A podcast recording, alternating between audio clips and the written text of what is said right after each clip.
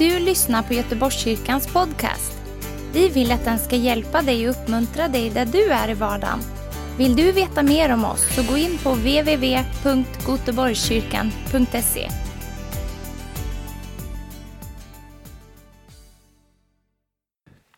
Så inspirerande att få fortsätta att eh, predika utifrån Kolosserbrevet och fortsätta där Maria eh, slutade förra söndagen. Och nu vet vi att vi är i hans älskade sons rike. Det är fantastiskt. Gud har gjort en förflyttning av oss. Det är en fantastisk gåva. Eh, som jag sagt förut så handlar eh, Kolosserbrevet så mycket om Jesus Kristus. Hans preeminens, jag vet inte om man säger så på svenska en gång, men det är liksom att det, det finns ingen som är större, som är högre, som är väldig, väldigare i auktoritet. Och varför lyfter Paulus detta så mycket? Jo, det har kommit in läror som liksom har skickat ner eh, Kristus liksom på andra plats. Änglamakter var större och andra krafter de var större eller lika stora. Eh, vi skulle kalla det för någon slags new age-inflytande med dagens språk. Jag tror inte att de använde det uttrycket på den tiden. Men redan då så fanns det väldigt mycket flum när det gäller det andliga och man förstod inte den platsen som Jesus hade. Han är ju själv Gud. Han är Kristus, han var med i skapelsen. Skapelsen är till för honom, den är i honom. Han är i centrum. Så jag vill bara lyfta Kristus och det hopp som vi har i honom. Och jag tror att det kan rätta till väldigt mycket, förändra mycket i ditt sinne. Och det är också min bön det här, för jag ska också tala om hemligheten. Det står ju om hemligheten i Kristus, jag tror jag inte räknat alla gångerna, men någon skrev att det var 21 gånger i Nya Testamentet. Och eh, nästan varenda gång så får jag den här frågan, vad är det för hemlighet? liksom man vill ju veta, man är nyfiken. Är det någonting som du inte har berättat för mig pastorn eller är det någonting som inte kyrkan säger? Är det någonting som fortfarande är fördolt? Jag säger, nej, det är inte fördolt för alla. Men det är dolt och gömt för den som ännu inte har omvänt sig till Kristus. Så därför blir det väldigt spännande. Så många säger ju till mig också, jag förstår det här med Gud, men det här med Jesus förstår jag inte. Ja, men om du ska förstå det här med Gud så måste du först förstå det här med Jesus. Och hur kan jag säga det så frimodigt? Det var just det de sa till mig när jag kom till min första hemgrupp. Det var det som de sa till mig, Christian, de förstod att jag trodde på Gud. Christian, du måste lära känna Jesus. Du måste förstå det här med Jesus. Gå hem och läs om Jesus i Johannes evangelium. Och så gick jag hem och läste om Jesus, tog emot honom och så hände det någonting. Jag förstod hemligheten. För det var någonting som uppenbarades för mig. Så nu har jag gett dig en liten ingress för vad som komma skall. Eh, och du som är med eh, eh, via Facebook eller TV-vision. Eh, bara fokusera nu det här bibelordet, slöp själv eh, Kolosserbrevet i din eh, mobibel eller pappersbibel eller vad du har. Följ med i det här bibelordet och var med i den här bönen också.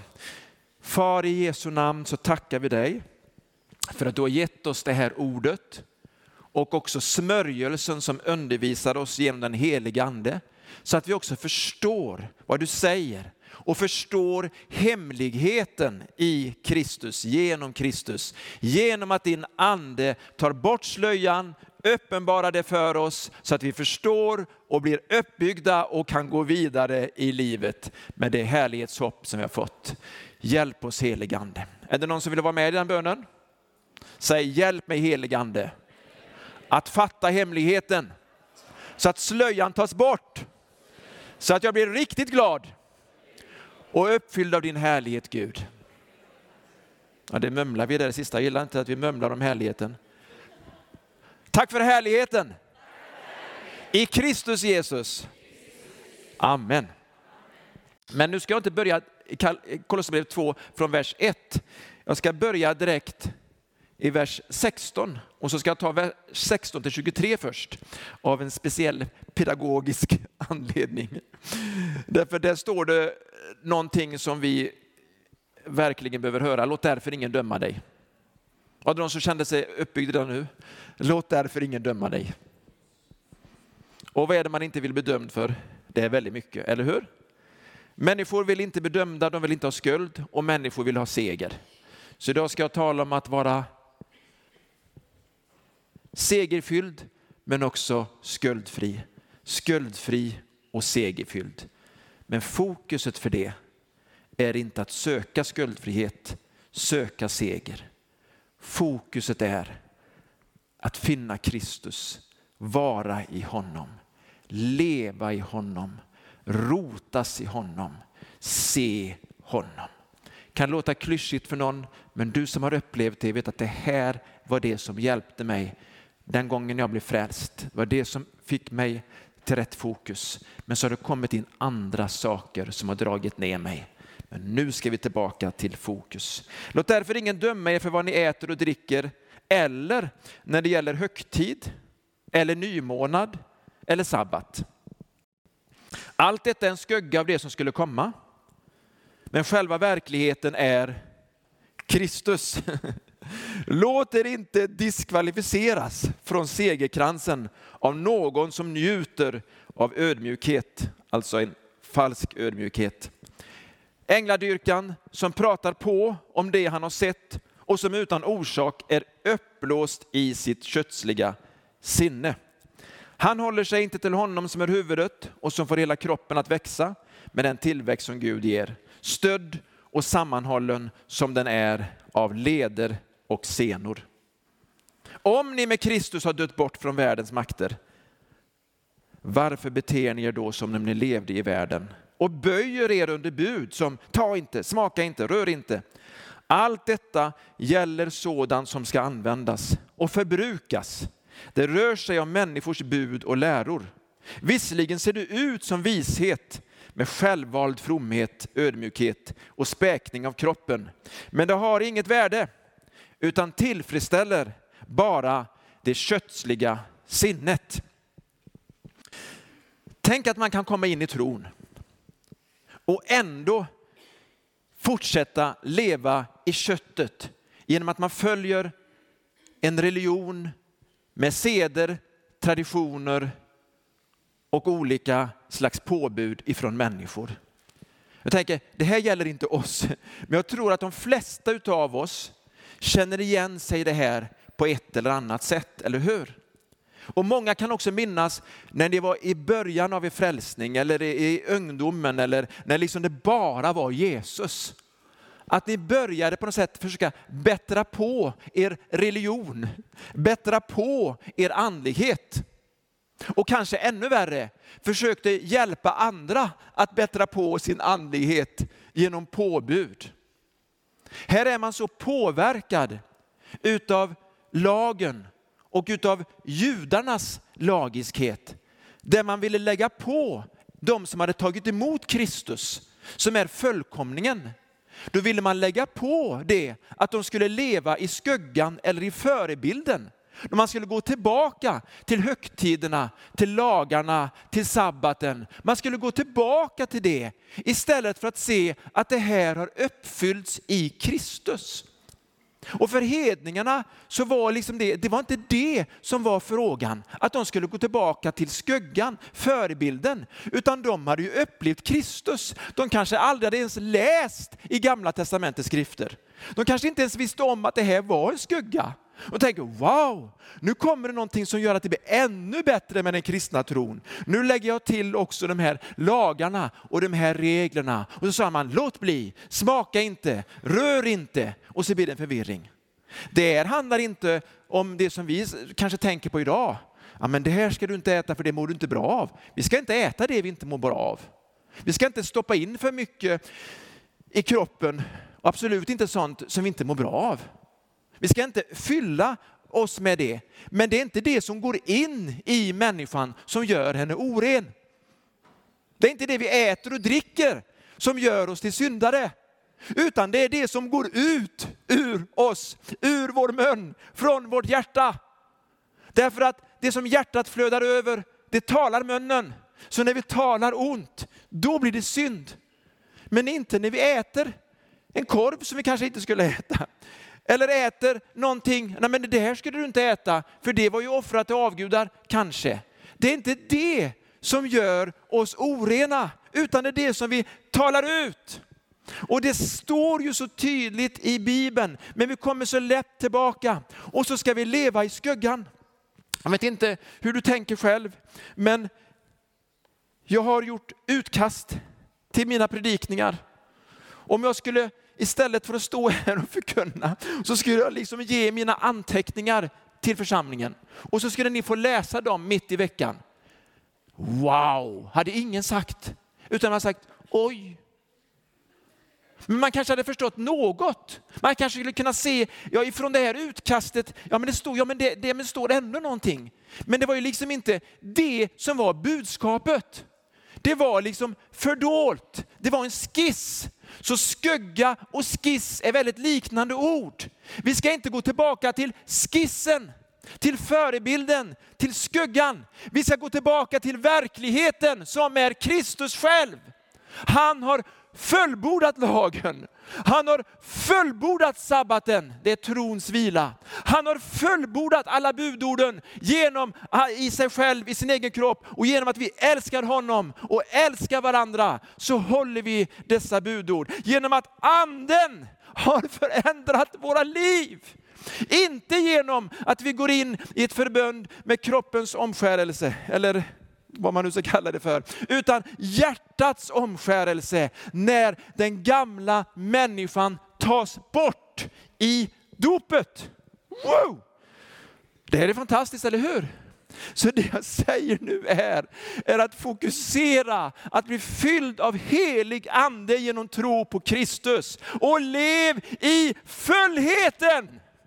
Inte i förebilderna, inte i skisserna, inte i skuggan. Men är det dåligt då? När det är fantastiskt att läsa i gamla förbundet, när man har Jesus för ögonen, när man förstår att det handlar om Kristus ifrån början till slut. Varenda blad, det är en enorm grund. Men vi måste göra det tillsammans med den heliga Ande. Paulus han säger till korinterna, han är bekymrad över dem. Ursäkta mig nu tolkar för att inte det här är med i ert utkast. Jag fick det här bara en kvart innan mötet. Andra Korinthierbrevet 3. Än idag är samma slöja kvar när de läser det gamla förbundets skrifter. Och den lyfts inte bort. Först i Kristus försvinner den. Ja, än idag ligger en slöja över deras hjärtan när de läser Mose. Men när någon omvänder sig till Herren tas slöjan bort. Herren är anden och där Herrens ande är, där är frihet.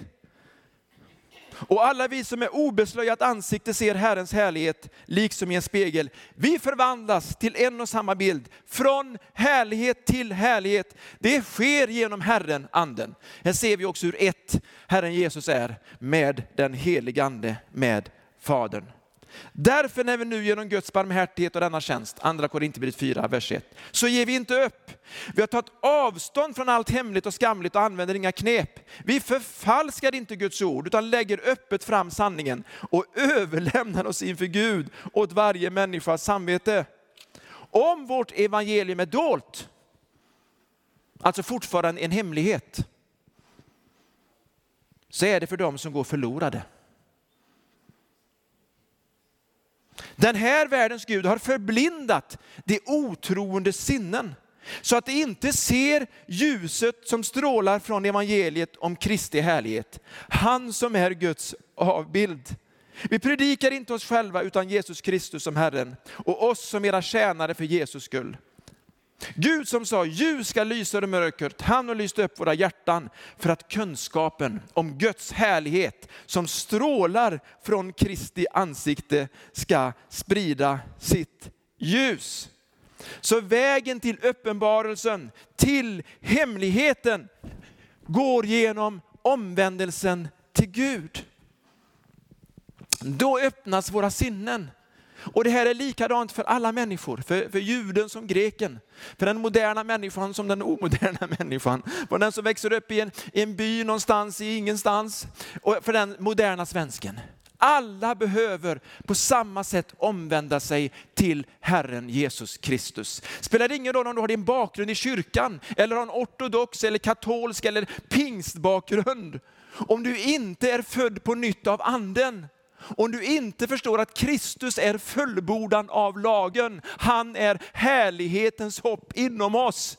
När vi förstår det så tillämpar vi hela livet, allt Guds ord, genom Kristus som utgångspunkt. Inte mänskliga regler, paragrafer och traditioner och så vidare. Halleluja! Woo, det visste ni redan, men det kan vara någon ute på tv som inte visste om det här. Visst behöver vi förnyas i det här? Känner ni igen er att ni kommer tillbaka till det? Ja, man ska bättra på min andlighet. Jag ska lägga på någon, någon tradition eller något bud och så ska jag styrka upp det på något sätt. Alltså, det kan vara uppbyggelse att läsa gamla testamentet och förstå bilden. Och du kan ha kvar högtiden, du kan ha kvar sedvänjor, men då ska Kristus lysa fram som Herre i den seden. Och då ska du använda det som en predikan, som en förkunnelse om den Kristus som är levande och uppstånden. Inte ta människor tillbaka till skuggan, inte backa dem in i skissen, utan föra dem fram i härligheten. För härlighetens hopp, Kolosserbrevet 1, 27, härlighetens hopp inom oss lyser. Halleluja! Wow! Jag ska berätta någonting för er, men jag tror att jag har ju några kvar, bibelord kvar att läsa. Och därför så startar vi om här. Nu läser vi från kapitel 2 och vers 1. Då står det så här. Jag vill att ni ska veta vilken kamp jag har för er och för dem i Laodicea och för alla som inte har träffat mig personligen. Jag kämpar för att de ska bli styrkta i sina hjärtan och förenade i kärlek och nå fram till hela den rika och följt övertygade förståelse som ger rätt insikt i vad då? I Guds hemlighet i Kristus Jesus. Och för att förstå vad den Guds hemligheten är backar vi tillbaka, Kolosserbrevet 1 och så läser jag vers 27 i sin helhet. Gud ville visa dem vilken rik härlighet denna hemlighet är bland hedningarna. Och nu kommer hemligheten. Kristus i er härlighetens hopp. Så nu frågar jag församlingen och du med som följer oss. Vad är hemligheten? Hemligheten är Kristus i er härlighetens hopp. Eller du kan säga, hemligheten är Kristus i mig. Vad är hemligheten? Hur ska jag leva i seger? Kristus i... Hur blir jag fri från skuld? Hur blir jag riktigt glad? Hur förstår jag Bibeln? Hur kan jag be? Hur kan jag vara tacksam? Ni blir bara tystare och tystare. Jag hade förväntat mig att det skulle bara eskalera. Men det är, väl, det är väl någonting som suddas ut. Paulus han kämpade. Ordet för kamp här, samma ord användes när man var i strid och man använde det på idrottsbanorna. Det var, man kämpade tills man kom i mål. Paulus kämpade tills han kom i mål. För att församlingen i Kolosse, det skrivs också till församlingen i Laodicea, att alla de skulle bli styrkta i sina hjärtan, förenade i kärlek och nå fram till den rika och fulla övertygade förståelsen om rätt insikt i Guds hemlighet i Kristus. Inte att alla skulle komma fram till sann och rätt åsikt. Det var underbart. Tänk om vi har vår församling. Alla har samma åsikt i vår församling. Wow, imponerande. Kan hålla i en minut. Under predikan kan man säga, ja, jag tycker samma som du. Alltså åsikterna de förändras, eller hur? Men insikten i Kristus påverkar också våra åsikter och våra utsikter, om ni förstår vad jag menar. Så vi kanske ska börja med rätt insikt så kanske det blir en riktigt bra åsikt vi får. Och så får vi en bättre eh, utsikt. Ja, ni förstår säkert vad jag menar. I honom är vishetens och kunskapens alla skatter gömda. Alltså det finns så mycket mer att få. Alltså jag älskar ju att läsa Bibeln. Ja, du tänker du har betalt för det. Ja, det kanske man kan säga att jag har. Men ända sedan jag var nyfrälst så läste jag Bibeln. Jag har berättat förut att jag tyckte bara det var så svårt när man sa att jag, jag skulle läsa ett kapitel om dagen, Johannes evangelium. Det går ju inte. Jag vill ju läsa allt. Man är så hungrig. Så du är jättehungrig, ta bara en liten macka här, Du är ett litet så här. Det går inte. Alltså när man förstår eh, eh, eh, Kristus och läser det nya testamentet, wow, evangelium. Och så läser man det gamla testamentet och så ser man Jesus där också. Man ser Jesus i alla bibelberättelserna om David, eh, om, om Josef, om Rut, Boas. Man ser liknelserna om Jesus. Man läser om högtiderna. Man ser förebilden till den heliga andes utgjutande. Man ser förebilden till Jesus. Man liksom bara ser och så kommer man till Johannes döparen som säger, se, där är lammet som tar bort världens synd. Wow! Att det var ju en skugga, lammet var en skugga. Men förebilden, det var Jesus. Och Jesus var verkligheten. Och genom Jesus, inte genom lammet, genom Jesus så blir man frälst från sin synd. Det är inte genom lammet, utan genom förebilden Jesus Kristus som har uppenbarats. Han är världens frälsare. Men man förkunnade förebilden, men han sa också, det här är verkligheten. Nu tror vi på Jesus. Woo! Är du med? Predika det, för denna världens första har förblindat människor så att de inte ser. Men genom tron på Kristus, omvändelsen, så blir det inte bara några liljeholmen som tänds, utan det blir uppenbarelseljus. Åh, oh, vad jag är eh, välsignad om Kristus, härlighetens hopp inom mig. Och så står det vidare, förresten, vilken vers var vi nu? Kapitel 2 vet jag i alla fall. Fyra, tack Anders. Detta säger jag för att ingen ska bedra er med övertalningsknep, alltså argumentationer som är retorik, filosofier. Och så säger man ja, ja men det låter ju väldigt bra. För även om jag inte är hos er kroppsligen så är jag hos er i anden och gläder mig när jag ser er ordning och fasthet i tron på Kristus. Hur i hela världen kan man vara hos någon i anden? Skulle inte ni tycka det var otäckt? Om eran predikant eller ledare sa till, jag var hos dig i anden idag.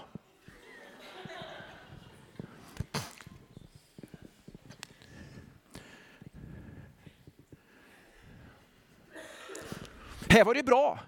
Här var det någonting positivt han såg. Vet att anden inom oss, den heliga ande, känner vår ande. Och eftersom den heliga ande känner din ande, så kan den heliga ande säga till mig vad som finns i din ande. Eller hur? Så jag kan ju vara i anden och se någonting. Men det är ju min ande, det är ju hans ande. Det står inte att den heliga ande i mig var hos dig. Utan det är också någonting som påverkar vår egen ande. Så när Naman ser att hans herre Elisa, gamla förbundet, pekar också på Jesus, gamla förbundet, ser att hans herre tar inte emot några pengar. Det har skett ett helande och han skulle få miljoner, miljoner i kläder och, och, och i allting, eh, i rikedomar. Men Namans hjärta faller i synd. Så när hans herre inte ser honom så springer han efter den här generalen och säger ja, ja det har hänt någonting, ja, vi, vi, vi, behöver nog de här, vi behöver nog de här kläderna och lite gåvor ändå. För att det hände någonting. Hans herre var inte där. Han visste ingenting. Men Naman han var där. Hans hjärta hade blivit bedraget av girigheten, av lockelsen. Han som hade varit en lärjunge i så många år. Han som kanske till och med var efterträdaren, den kommande profeten efter Elia och Elisa, kanske Gehazi. Han tappade och när han kommer tillbaka rik, men i smyg har han gömt undan allt. Så säger hans herre till honom, profeten Elisa, var jag inte hos dig i anden? Och jag såg hur du sprang efter de här gåvorna, hur du tog emot. Men vad ska du göra med din rikedom nu när du ändå blir spetälsk och oren? Han var med i anden står det. Paulus han var med i anden i Korint. När de levde, det var en person där som levde i ett incestuöst förhållande. Och han sa, jag var med där och jag, jag dömde i min ande. Jag var med dig där, jag var frånvarande, men i min ande. Han hade aldrig varit i Kolosse, men han visste att i Kolosse så var det ordning och det var fasthet. Halleluja! Att någon också kan vara i anden och säga, jag ser att du gör rätt. Jag ser att du är trofast. Jag ser att du har disciplin. Woo! Halleluja! Och så står det sen, liksom ni tog emot Kristus Jesus som Herren, så lev i honom har vi en, en kanske fler nyfrälsta här som har tagit emot Jesus. Han säger till dig och många andra, lev i honom. Rotade och uppbyggda i honom och grundade i tron i enlighet med den undervisning ni har fått. Och låt er tacksamhet flöda över. Det är därför att när vi rotas och när vi byggs upp så kommer rötterna ner i jorden och rötterna kan fånga upp näringen. Men om vi inte har några rötter i Kristus, det är bara ytligt då kan vi inte ta till oss näringen. Men när vi rotas så kan vi ta till oss näringen och vi blir stabila när prövningarna kommer. Så rotas i Kristus, ta emot honom, jättebra. Men rotas också i honom, gör honom till Herre, bli fast och följ honom. Det säger Paulus tydligt till dem i Koloss. Se till, vers 8, att ni inte fångas av det tomma, den tomma och förrädiska filosofin som bygger på mänskliga traditioner och världsliga makter och inte på Kristus. Och så står det här om Kristi gudom. Lyssna. I honom, i Kristus, bor gudomens hela fullhet i kroppslig gestalt. Tänk att hela gudomen bor i Kristus. Gud blir människa och hela gudomen tar sin boning i mänsklig gestalt. Den som inte tror på det är en villolärare. Det här är grunden för vår tro. Gud blev människa genom Kristus Jesus. Gudomen tog sin boning i mänsklig gestalt.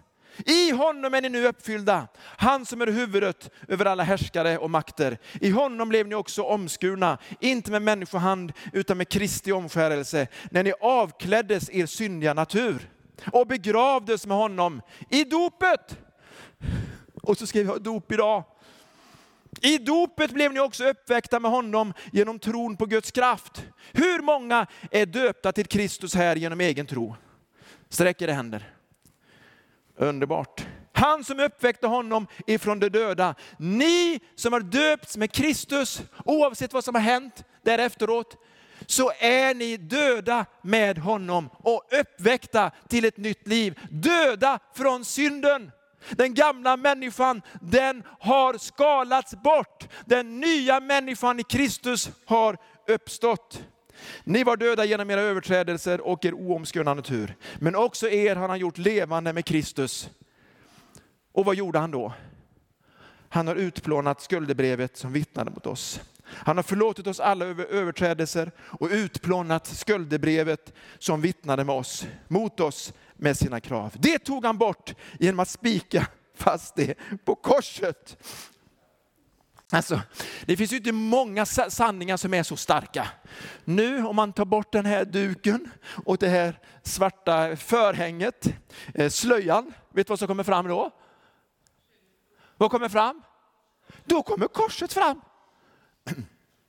Nu tänker vi, vad hemskt att vi har liksom lagt en svart slöja över korset, bara för att vi ska se powerpoint-presentationer. Men bakom det här finns korset. Men om vi bara, som någon sa, jag vill inte längre gå till den, inte här, jag vill inte längre gå till den där kyrkan, för nu har man dragit ner ett vitt parasoll, eller vad man sa för någonting, ett vitt täcke över korset. Jag ska inte gå till den kyrkan mer. Ja, men det handlar väl inte om det korset i kyrkan, den träbiten. Det handlar väl om Jesu kors. Det handlar väl om Kristus inom dig, den helige ande inom dig. Att du inte hamnar i något religiöst och liksom, ja men det korset, ja men då får du gå omkring med det. Eller ha det här omkring och det ska vara det viktigaste i ditt liv. Då ska du ha det här som tingeltangel. Eller ska det vara Kristus inom dig. En uppstånden frälsare inom dig, helig ande inom dig. Vad har hänt på korset? Varenda synd är uppspikad på korset. Halleluja! Fakturan är betald. Kändes bra att säga det. Finns det något underbarare än att betala sina räkningar? Alltså, du är knäpp i huvudet Christian. Jag vet att många njuter av det. Jag tycker det är så skönt att man gör rätt för sig. Men det är väl också underbart om någon annan betalar dem, tycker du inte det? Speciellt de som inte klarar av att betala själva. Ja, det är fantastiskt. Den skulden som var mot människan för att vi inte kunde uppfylla lagens krav kunde ingen människa fixa. Kunde ingen människa betala. Den skulden, den, det skuldebrevet som vittnade mot dig och mig tog Jesus på sig. Den är uppspikad på korset. Den fakturan är betald. Den fakturan är förintad. Den finns inte mer. Därför är jag i Kristus utan Precis. I Kristus är jag utan skuld. Men det jag gör sen imorgon, det kanske kommer på mig. Och det jag gör i övermorgon, det blir inte bra. Alltså den är fortfarande betald, evigt betald. Den håller för det som har varit, för det som är idag, för det som är imorgon. Och ingen säger halleluja. För alla här inne, vi redan visste det. Och jag gläds i mitt hjärta lite tyst. Jag kan säga halleluja. Tack Jesus för att fakturan är betald. Skuldebrevet är uppspikat på korset. Och vad stod det mer? Vad stod det sen? Efter det? Vi har det här. Nästa vers. Vad står det? Han avväpnade härskarna och makterna och gjorde dem till allmänt åtlöje när han triumferade över dem på korset. Det kommer snart, det är fördolt. Men snart så kommer det att uppenbaras här om vi får ordning på tekniken. Det vet vi inte, annars får vi bara ta bort allting och så får vi visa korset istället och säga halleluja, tänk att vi är tillbaka igen. Här kommer det. Han har utplånat skuldebrevet och nästa vers är cliffhanger. Amen! Ser du? Korset! Där har vi det. Tack så mycket. Awesome. The Lord. Vad står det? Ja, men det kommer snart. Jag läser det så länge då. Han avväpnade härskarna och makterna och gjorde dem till allmänt åtlöje när han triumferade över dem på korset. Generalerna på den här tiden, när de hade vunnit en väldig seger, så var det, kallas det för den romerska triumfen. Det var liksom känt, det finns i historieböckerna lite både här och var. Då åkte generalen in och det kanske var vita hästar, det var pompa och ståt. Och när han hade då vunnit seger mot fienden så fick bytet, allt byte som han hade vunnit, det var med i segerparaden. Och längst bak i den här paraden så var det nakna generaler, besegrade officerare kanske också soldater, som fick gå helt nakna. Inga vapen, inga kläder. Till allmänt åtlöje fick de gå in och marschera. När Kristus vann på korset en seger så är han segergeneralen. Och vi får vara med, Korinthierbrevet, i hans triumftåg. Inte som förnedrade soldater. För vi är inte hans fiende längre. Vi är försonade med Gud. Vi är hans vänner. Hans seger är vår seger. Han har triumferat över makterna och över härskarna och stripped them off. Klätt av vapnen, klätt av kläderna. Sådan kraft har de inte längre. Sådan makt har de inte längre. I Kristus Jesus har vi den auktoriteten att säga till dem att gå och säga stopp och belägg i Jesu namn. Halleluja! Yes! Woo! Det har Jesus gjort. Och direkt efteråt så kom den där versen. Låt därför ingen döma dig. Visst var det bra? Låt därför ingen döma dig. För att du inte lever i skuggan utan för att du lever i Kristus härlighetens hopp nu. Låt därför ingen döma dig. För att du är fri. Och att den friheten i Kristus manifesteras genom den heliga Andes liv inom dig. Så är du fri. och du har frid. Och han bor inom dig och han leder dig och du är i hans triumftåg. Och makten är avklädda och nakna. Men du är fri och du går med Kristus och i Kristus har denna segern och i Kristus så kan du själv lägga händerna på den sjuke, själv säga till demonen att försvinna. Du kan tala nya tungor, till och med ta ormar med dina händer och de ska inte skada dig. Det här är tecknen för den som följer Jesus i tro på det som han har gjort på korset. Halleluja! Så låt Kristus bo i dig, hans härlighet mer och mer och uppfylla dig och förnya dig. I Jesu namn, Amen. Tack för att du har lyssnat. Dela gärna podden med dina vänner och glöm inte prenumerera. Om du har frågor eller vill att vi ska be för något så mejla oss på info på söndagar har vi veckans höjdpunkt då firar vi gudstjänst tillsammans och det vore så kul att träffa dig där. Men vi har även samlingar för barn då? Gå in på vår hemsida goteborgskyrkan.se så får du veta mer. Välkommen till oss!